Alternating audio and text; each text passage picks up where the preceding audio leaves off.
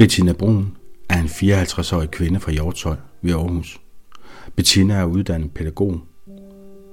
Her fortæller hun om, hvordan det var, før, under og efter hun fik sin ADD-diagnose. Jeg har mit ønskejob. Jeg har en fantastisk familie. Hvad er det, der bliver ved med at komme? Hvorfor, hvorfor er jeg så bange for at dø hele tiden? Ikke? For hvorfor bliver jeg ved med at falde på den måde, som jeg gør? Hvad er det, jeg gør forkert? Hvad er det for nogle fejl, jeg bliver ved med at gentage? Hvor er det, jeg ikke får lyttet til mig selv? Og for hver gang man falder og, og ryger ned med her i de her tilfælde, bliver det jo stress, og det bliver angst, øhm, og det bliver en OCD, der opstår. Jeg tror måske, at i sådan et job, som du har som pædagog, der, der, der kræver det altså rigtig meget af dig. Og, og jeg har jo hørt chefer sige, at det er jo ikke en socialpædagogisk arbejdsplads. I andre henseender, ikke i forhold til mig. Og, øhm, og det er ikke øhm, de steder, jeg har været, efter jeg har fået diagnosen, kræver det rigtig, rigtig meget af en, ikke at være den, der er den med det her, der skal have ekstra hensyn.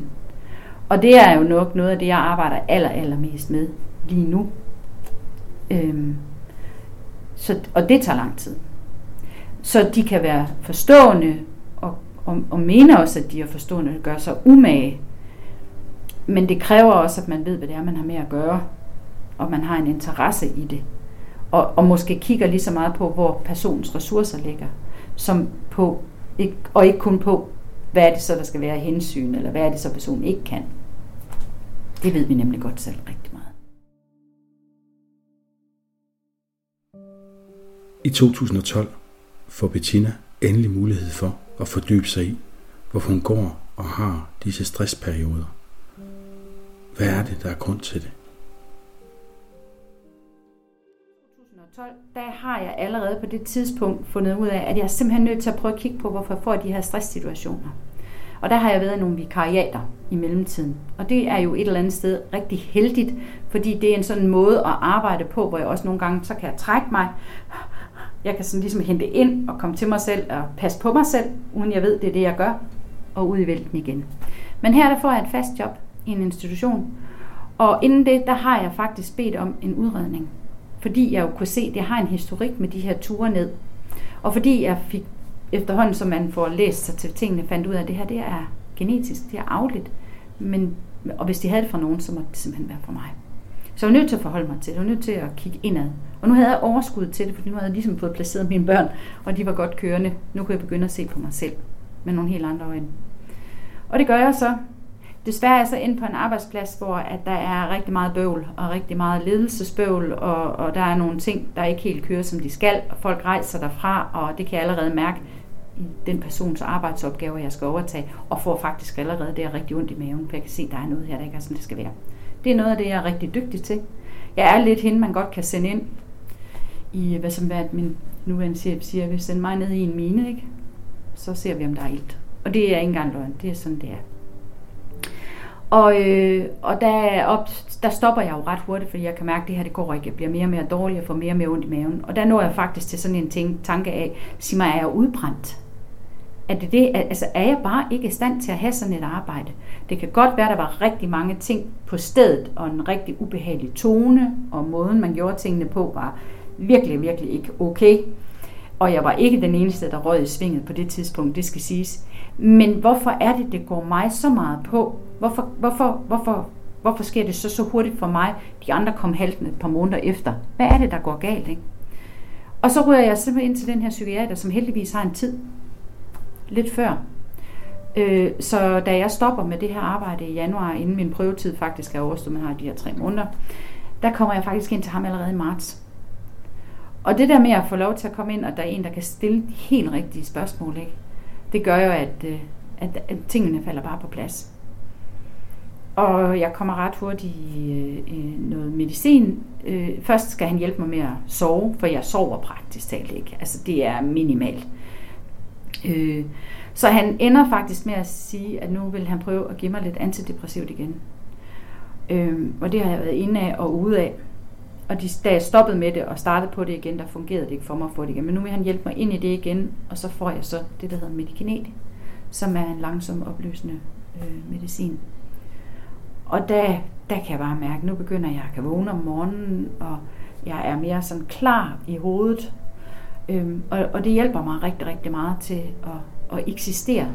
Fordi så er det jo ikke bare mig alene, der er noget vejen med. Så er det jo ikke, fordi jeg går og gør noget forkert hele tiden. Altså, eller jeg ikke er stærk nok. For det var jo også meget det, man mødte hver gang, man havde haft en sygemelding, eller man havde været nede med stress, eller havde skulle bruge en psykolog. Ikke? Det er det der med, åh, det er sådan lidt modfænomen. Ikke? Altså, man har selv ansvar for ikke at blive stresset osv. osv. Og det ansvar prøvede jeg jo hele tiden at påtage mig. Ved at sige nej, gøre mindre, strukturere mig. Men lige meget hvad jeg gjorde, så endte jeg jo i den. Så, så mit selvbillede blev også bare forfærdeligt, altså til sidst, ikke? Og så kan du føle, at du er nok så dygtig til dine arbejdsopgaver, og en rigtig, rigtig god mor og kone. Men på et eller andet tidspunkt, der, du er bare meget lille, når du virkelig når ned, så, så, er, så er der langt op igen. Endelig er Bettina på den anden side. Og for første gang kan hun sige det, som det er. Det er jo så min første arbejdsplads, hvor jeg kan stille og sige, at jeg har den her diagnose her, I indstillet på at, at have mig og det, jeg har brug for, det er, at der er struktur på. Jeg har altid nyt, når jeg har haft en tydelig ledelse. Hvis ledelsen er tydelig, så må den også godt være skrab. Det gør mig ingenting. Man skal æde med at være ordentlig. Men Bettinas arbejdsliv er stadig med udfordringer. Jeg har dage, hvor jeg faktisk ikke kan huske børnenes navne. Og det kan man sige efter fem år på den samme arbejdsplads. Altså, hallo. Og der kræver det da lidt af dem en gang imellem, hvor jeg siger, I må faktisk gerne rette mig. Og det må børnene også gerne. Og det er i perioder, hvor det er rigtig, rigtig slemt. Det kan jeg jo så kompensere på ved at sige søde ven, eller bruge nogle andre søde ord i stedet for, fordi børnene lægger også mærke til det. Ikke? Eller byttet rundt på det samme barns navn seks gange træk, ikke? Og de har stået og fortalt dig, hvad du hedder. Det er dybt frustrerende, når du står som fire og tænker, jamen hallo, du er voksen, kom nu, ikke? Men, men det hænger ikke sammen. Øh, og der kan man da også nogle gange sådan, ah, det var lige det her, han hed, eller, eller jeg måske har fået noget at vide, som jeg lige skal huske en gang til, eller jeg har inde i mit hoved, men, men det kan være, at jeg har svedt det ud, selvom jeg har fået det at vide. Det er ikke, fordi det er noget, der har store konsekvenser, men det gør noget ved mig. At være menneske med en diagnose som ADD har sine udfordringer. Men det kan også have sine fordele. Jeg kan jo have børn, der kommer hen til mig, svedige og klistrede, og, og, og må jeg få min jakke af? Nej, det er for koldt.